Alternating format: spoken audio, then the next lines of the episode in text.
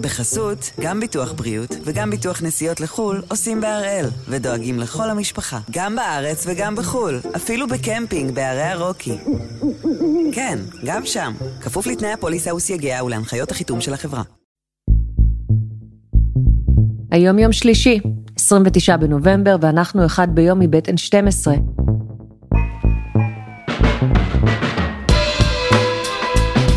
אני יונה לייבזון ואנחנו כאן כדי להבין טוב יותר מה קורה סביבנו. סיפור אחד ביום, כל יום.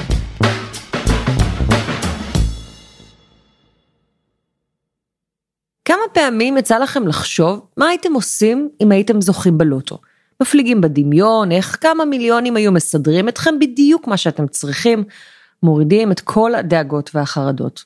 הרבה אנשים מדמיינים וחולמים את זה, ובדיוק על התחושה הזו מתבסס מפעל ההימורים החוקיים הגדול בישראל, מפעל הפיס.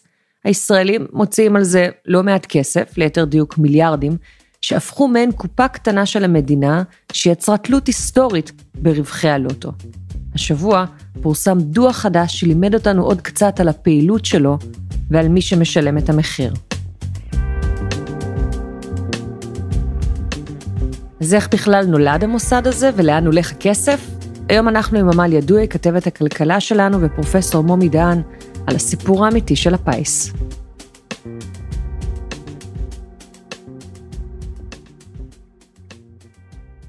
אהלן עמליה. שלום יונה. השבוע פורסם דוח חדש של מרכז המחקר והמידע של הכנסת. מה אנחנו לומדות מהנתונים?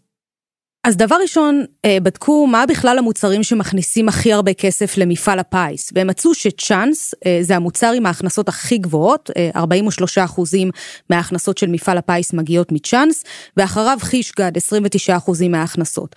ואז ניסו להבין, אוקיי, אם אלה שני המוצרים הכי פופולריים, שמכניסים הכי הרבה כסף למפעל הפיס, בואו נבין מאיפה הכסף הזה מגיע. עכשיו תראי למשל את ההשוואה הזו. בבית שאן, אה, מפעל הפיס מציב עמדת הימורים על כל 1,400 תושבים, אבל בעוד השרון העשירה מסתפקים בתחנה אחת לכל 3,700 תושבים.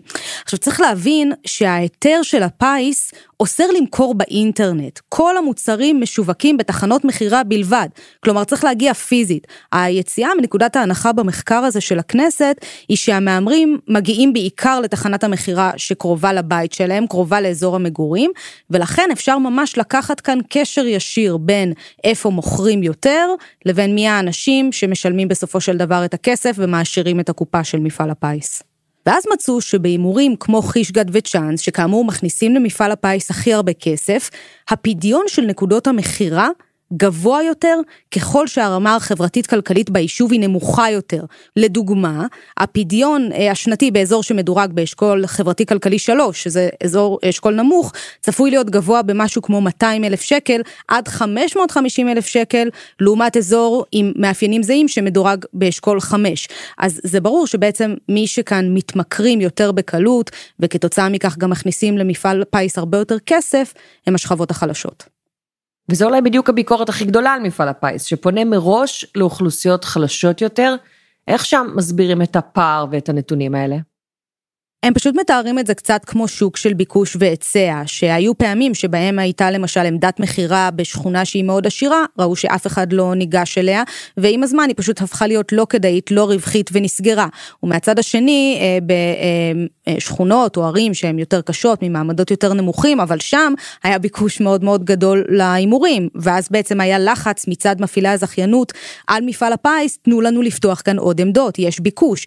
במפעל הפיס, מהעמדה שלו, כנראה רצה להכניס עוד מכירות, עוד רווח לקופה, אז הוא אישר את הפתיחה, נענה ללחץ הזה, ואז לאט לאט נוצר אה, בעצם הפער המאוד מאוד גדול בין הערים והשכונות שהן עשירות ומבוססות, ושם כמעט ולא תמצאי דוכנים של מפעל הפיס, לבין ערים במעמד ומצב סוציו-אקונומי הרבה יותר נמוך, וחלקן ממש שכונות קשות, ושם תמצאי שלל אה, נרחב, איפה שאת רק רוצה כמעט, את אה, תמצאי עוד עמדה של, של הפיס.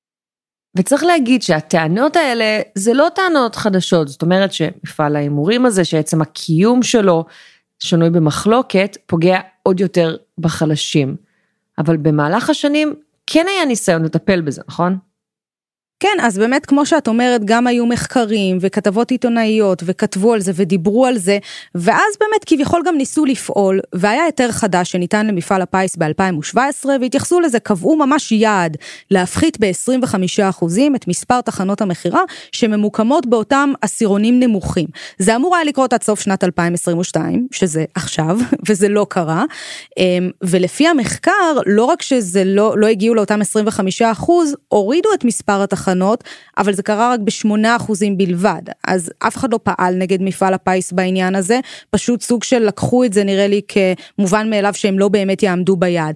אני רק אומר שבמפעל הפיס אה, אומרים לנו בתגובה, אומרים תראו, הייתה בזמן הזה תקופת קורונה, אם היינו סוגרים תחנות זה גם היה אומר לגרום לאנשים לאבד את מקום הפרנסה שלהם, אבל את יודעת, הטיעון הזה בעיניי הוא מאוד מאוד מאוד עקום, כי בסוף כמו שהראינו הנתונים מראים שרוכבים כאן על השכבות החלשות, אז לנסות עכשיו להתעלות בטיעון שלא רצינו לגרום לאובדן פרנסה של אנשים אחרים, כשמי שנפגעים מזה הם גם השכבות החלשות, את יודעת, זה קצת אה, מעגלי. אנחנו מדברות על הכנסות מאוד מאוד גדולות. איך ההכנסות האלה מתחלקות? בואי נצלול רגע לתוך הנתונים. בשנה שעברה ההכנסות עמדו על למעלה מתשעה מיליארד שקלים. אחרי שמנקים את הזכיות, מה שחוזר לציבור זה בערך שני מיליארד שקלים, כסף שהולך בעיקר לרשויות המקומיות ולעוד פרויקטים כמו תמיכות ומלגות, ועוד יותר ממיליארד שנשאר בעצם לתפעול של הארגון עצמו, משכורות, שכירות, כל המנגנון הזה. נכון, ולמפעל הפיס באמת יש תקציב אדיר, ובמסגרת המחקר הזה של הכנסת ממש צללו לאותיות הקטנות בתוך התקציב. עכשיו אני רוצה לתת לך דוגמה אחת, אה, יונה, לסדר העדיפויות. במסגרת אותו היתר אה, של מפעל הפיס, זה שבמסגרתו אמורים היו גם לסגור חלק מה, אה, מהתחנות, דורשים ממפעל הפיס לבצע פעולות כדי למתן את אותן השפעות שליליות של הימורים חוקיים. קוראים לזה משחקים באחריות, זה למשל פעולות של פרסום והסברה בנושא התמכרות, לממן טיפול למי שהתמכרות. התמכרו, וזה נשמע מאוד מאוד, את יודעת, יפה, ותרומה לקהילה, ובאמת מפעל הפיס גם אה, מקים אה, מתנסים וכולי, ובאמת איזשהו ניסיון ליצור לזה איזה תדמית הרבה יותר חיובית. אלא שלפי אותו היתר, מפעל הפיס צריך להקצות לזה רק 8 מיליון שקלים בשנה. כשלשם השוואה, כשאנחנו רואים את סדר העדיפויות, על השבחת חנויות ושיפוץ עמדות מכירה, אה, שזה סעיף שמצאתי שם בתוך התקציב, משקיעים 24 מיליון שקלים. אז 8 מיליון שקלים למי שמנסים לעזור להם לצאת מההתמכרות להימורים, אבל 24 מיליון שקלים על ניסיון להפוך את העמדות להרבה יותר אטרקטיביות כדי שאנשים אחרים יתמכרו להימורים. וכדי להבין איך הגענו למצב הזה, צריך להסביר מה זה בכלל מפעל הפיס. למה המוסד הזה קם, מאיפה הגיעה הצמיחה המטורפת, ההשפעה השלילית של הימורים, וגם הקשר לתקציבי הרשויות. מי שחוקר את זה כבר שנים הוא מומי דן, פרופסור לכלכלה בבית הספר למדיניות ציבורית באוניברסיטת תל אביב. היי מומי. שלום יונה. איך בכלל התחלת לחקור את זה? אין המון חוקרים שמתמקדים בסיפור של הפיס, נראה שאתה די אה, בודד במערכה הזו. הטריגר האמת היה פרסומת של מפעל הפיס, שכל פעם ששמעתי את הפרסומת הזאת שלחתי את היד וכיביתי את הרדיו. שלום. כן. שלום לך, מדברת אריאלה ממפעל הפיס. כן. אני רוצה לבשר לך משהו, לאחל לך מזל טוב ולומר לך שזכית במיליון וחצי שקלים. ממש, תודה, מה? ובכל פעם שצפיתי בפרסומות האלה, הם הצליחו להרגיז אותי ושאלתי את עצמי למה הן כל כך מרגיזות אותי. והתשובה הייתה יחסית די פשוטה, מהסיבה שהם הרגיזו אותי זה הפנייה של מפעל הפיס לאוכלוסיות מאוד מאוד חלשות.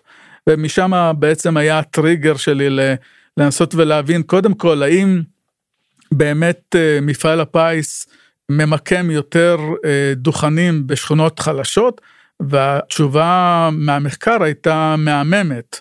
המחקר שלי הראה שמפעל הפיס והטוטו ממקמים דוכנים בעשירון התחתון פי שלושה מאשר בעשירון העליון. כלומר, זה לגמרי מכוון, ממוקד, ולכן קראתי למחקר הזה המדיניות המיקום הממוקד של מפעל הפיס על משקל דברים אחרים שאנחנו מכירים מתחומים אחרים. אז קח אותנו להיסטוריה של ההקמה של מפעל הפיס. למה בכלל מקימים אותו? מה הייתה המטרה? בשנות החמישים אה, חיפש ראש העיר אה, תל אביב, ישראל רוקח, מקורות הכנסה חלופיים או נוספים כדי לממן את הפעילות המקומית של רשויות מקומיות. והוא עלה לרעיון שאפשר אה, להשתמש בהגרלות כדי להשיג עוד אה, הכנסות לרשויות המקומיות, והוא בעצם יצר חריגה שבה אם עד לאותו רגע ההימורים היו אסורים, החריגה הזאת הפכה בעצם את ההימורים למותרים, אבל רק למי שהוא גורם ציבורי שיכול להפעיל אותם. זאת אומרת שכדי להגדיל את תקציב הרשויות, במקום להעלות מיסים, שזה מה שעושים כדי להגדיל הכנסות של גוף ציבורי, מייצרים הכנסות על ידי מכירת כרטיסי הגרלה עם סיכויי זכייה נמוכים, רק שבניגוד למס זה לא מתחלק באופן שוויוני או לפי גובה ההכנסה. פה דווקא הציבור החלש, כמו שהמחקר שלך מראה, מממן את הגדלת התקציב. זה למעשה מס סמוי מן העין, שאפשר לקרוא לו מס חלומי, אלמלא הוא היה נופל על הכתפיים של העניים. כי אף אחד לא קורא לזה מס, זה לא נראה כמו מס, ובסך הכל כולם צריכים להיות שמחים, חוץ מאלה שכמובן משלמים את המחיר. איך היו נראים אז ההימורים? כמה הגרלות היו אז לדוגמה? זה בדרך כלל היה פעם בשבוע, זה נקבע ליום חמישי בערב שבו היו מודיעים על המספרים הזוכים, והם טיפחו, אה, אחד הדברים הטובים שהיו אז, שיכולת לטפח שבוע שלם של אשליה, שאולי אתה תזכה בפרס הגדול ותטיב עם משפחתך ועם עצמך כמובן. אה, היום זה משהו אחר לגמרי אה, ממה שהיה אז. ומפעל הפיס יותר ויותר מתנהג כמו גוף שממקסם רווחים, ופחות כמו גוף ציבורי שישראל רוקח אה, הגה בשעתו, אה, והוא למד את מה שבעצם בקזינו כבר כמעט שכחו.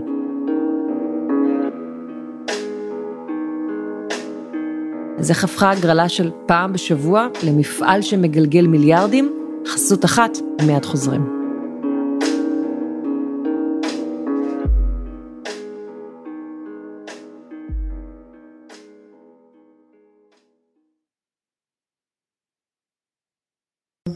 בחסות, גם ביטוח בריאות וגם ביטוח נסיעות לחו"ל עושים בהראל, ודואגים לכל המשפחה, גם בארץ וגם בחו"ל, אפילו בקמפינג בערי הרוקי. כן, גם שם, כפוף לתנאי הפוליסה וסייגיה ולהנחיות החיתום של החברה. אנחנו עם הסיפור של מפעל הפיס ואיך הפך מפעל ההימורים החוקי שנועד לסייע לרשויות המקומיות למוסד שמגלגל תקציבי ענק. מומי, מפעל הפיס שונה היום מאוד מאיך שהיה נראה עם ההקמה שלו בשנות ה-50. עד כמה קצב הגידול מהיר? בשנת 2005 היקף ההכנסות מהימורים של מפעל הפיס והטוטו ביחד היה בסביבות 4.5 מיליארד שקל. היום זה באזור 12.5 מיליארד שקל. קצת יותר מ-9 מיליארד מפעל הפיס ועוד 3.5 מיליארד הטוטו. כלומר, זה גדל כמעט פי שלושה, כן? בפחות משני עשורים. עכשיו, מה זה אומר? זה אומר שהיום, בממוצע למשק בית, ההוצאה על הימורים היא משהו כמו 4,500 שקל לשנה, בממוצע. כלומר, זה אומר שעל חלק ממשקי הבית, יש הוצאה עצומה על, הימורים. זה פי אחד וחצי מההוצאה על סיגריות. אני, כשהתחלתי את המחקר, גם אני נדהמתי, אני לא האמנתי שמדובר בהיקפים כאלה. כשראיתי שמדובר בסכומים כאלה גדולים, זה בעצם היה אחד המניעים שלי להעמיק את המחקר, כי הבנתי שלא לא מדובר כאן באיזה שביל צדדי ובלתי מואר, מדובר באוטוסטרדה ענקית. טוב, מבחינה עסקית זו ללא ספק צמיחה מרשימה מאוד. איך זה קרה תוך 70 שנה? היו שני תהליכים במקביל שהפכו את ההימורים למה שהם היום. אחד שלא קשור בכלל להימורים, והוא ההתפתחות של החשיבות של החירות האישית. הסובלנות או נגיד מידת העוינות כלפי הימורים הייתה כמו כלפי סמים, כמו כלפי פעילויות אחרות שהיום אנחנו אה, חיים איתם יחסית די בשלום, אולי לא אוהדים אותם אבל גם לא עוינים אותם באותה המידה, כלומר החירות האישית לעשות כל מיני דברים בכל מיני תחומים, הקיפה גם את ההימורים. זה תהליך אחד שקרה. והתהליך השני שקרה הוא ההתפתחות הדיגיטלית שמאפשרת לשכלל מאוד את אה, משחקי ההגרלות למיניהם ובמיוחד אחד הדברים הכי חשובים בהימורים ובכוח המשיכה שלהם ליתר דיוק, זה מרחק הזמן בין מועד הביצוע של ההגרלה למועד ידיעת התוצאה של ההגרלה. אם קודם דיברנו, התחלנו את השיחה בזה שהמתנו שבוע עד שנודעו התוצאות או המספרים שעלו בגורל, היום זה בשבריר של שנייה אתה יכול להודיע את התוצאה למהמר. כמובן היו גם שכלולים נוספים, אז ביחד כל ההתפתחויות האלה יצרו שוק הימורים מאוד מושך, והביטוי של זה זה גידול עצום מימדים, זה נע בקצבים שאין uh, כמעט שוק אחר שגדל בכזה קצב כמו uh, קצב הגידול בביקוש להימורים. וגם מפעל הפיס עוסק בשיווק ומשיכת הקהל להגרלות, גם שם היו הרבה שינויים במהלך השנים, איפה אנחנו יכולים לראות דוגמאות לזה? הדבר הגדול הוא הגדלה של מספר ההגרלות. מספר ההגרלות הוא פחות או יותר פי אינסוף ממה שהיה בעבר. יש מספר הגרלות ב- ביום, זה מגיע לשבעה או, או יותר פעמים שבהם אה, אפשר אה, להגריל וכמובן לקבל את התוצאה ואת הפרס.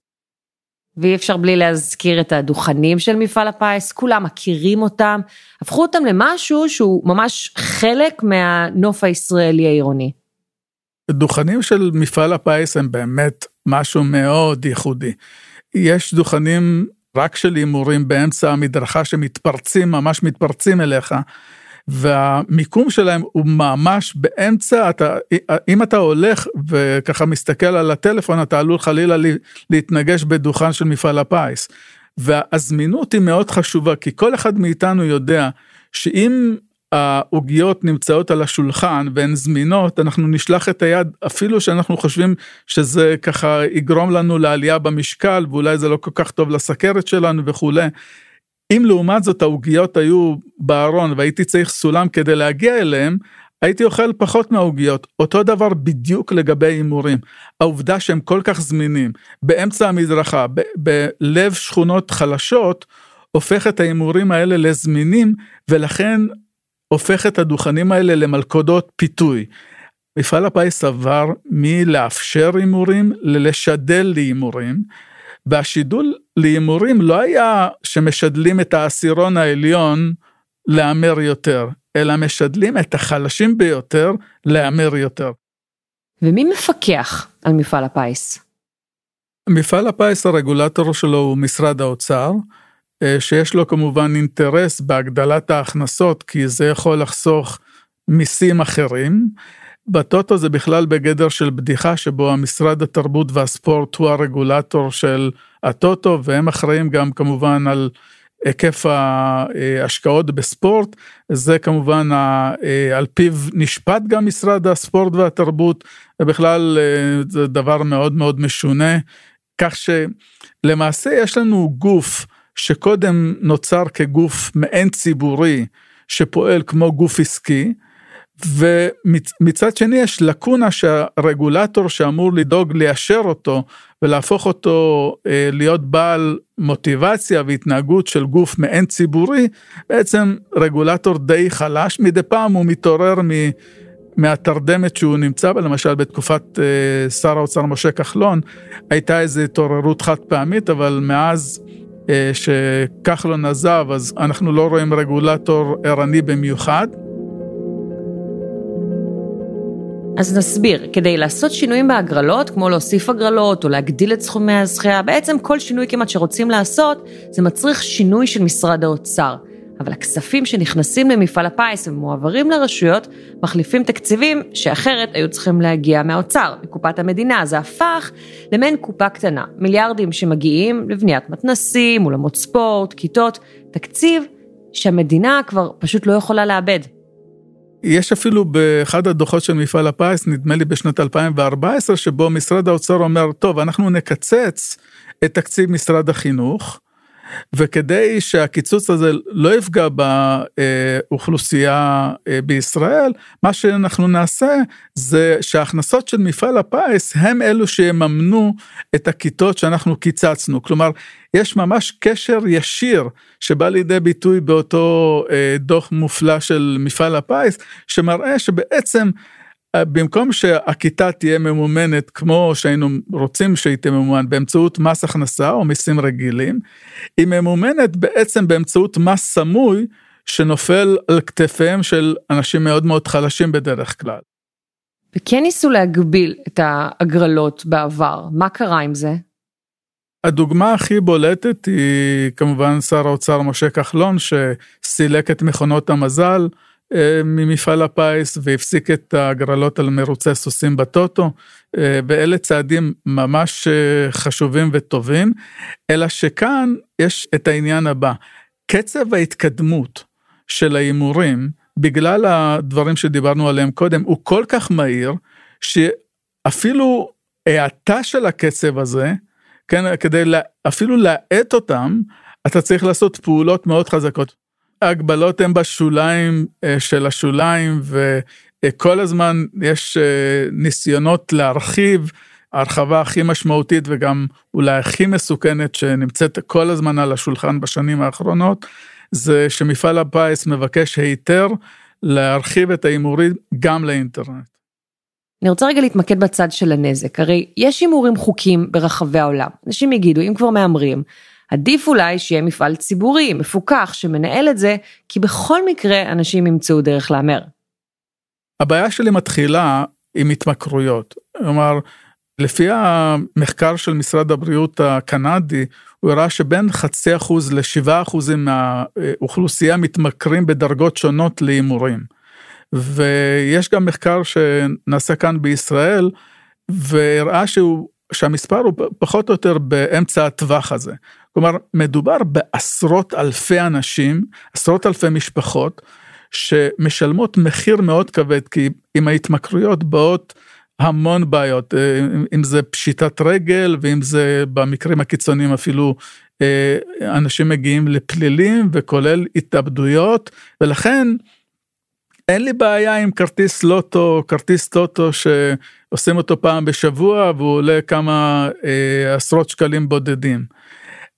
הבעיה שלי מתחילה כשמפעילים בעצם מכונה די משומנת כדי להגדיל את מספר המתמכרים, שזה כמובן נזק מאוד גדול. וכדי להסתיר אותו, טוענים שהמימון בעצם עושה דברים טובים. מימון של כיתות, מימון של פרס ספיר, וכל מיני אה, פרויקטים שהם כשלעצמם יכולים להיות פרויקטים ממש לתועלת הציבור, אבל הם יושבים על ההריסות של הרבה מאוד משפחות. עמליה, מה אומרים במפעל הפיס על הביקורת?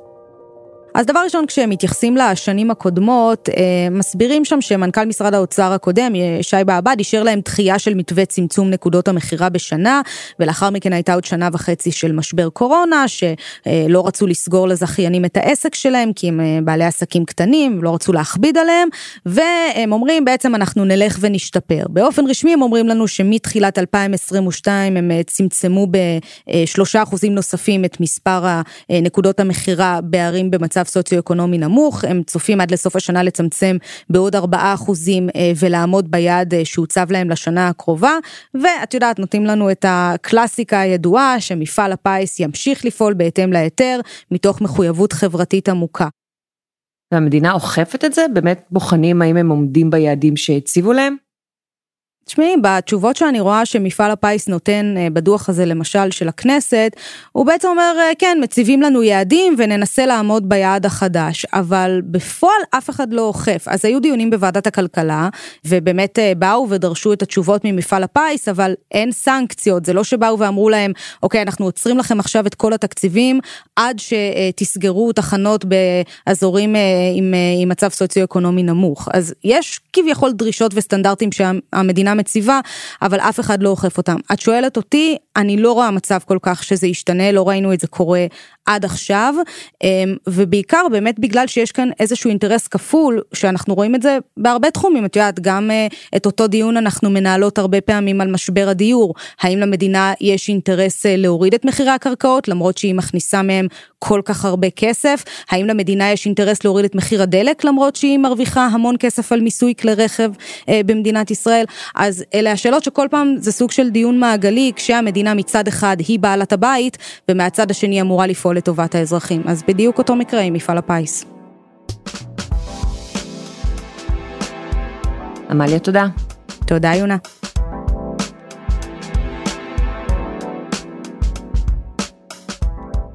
וזה היה אחד ביום של N12. אנחנו גם בפייסבוק, חפשו אחד ביום הפודקאסט היומי. העורך שלנו הוא רום אטיק, תחקיר והפקה עדי חצרוני, דני נודלמן ורוני ארניב.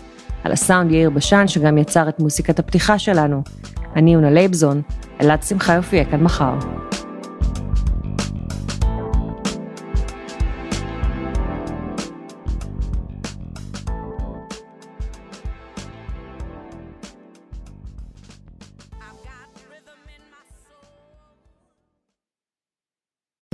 בחסות, גם ביטוח בריאות וגם ביטוח נסיעות לחו"ל עושים בהראל, ודואגים לכל המשפחה, גם בארץ וגם בחו"ל, אפילו בקמפינג בערי הרוקי.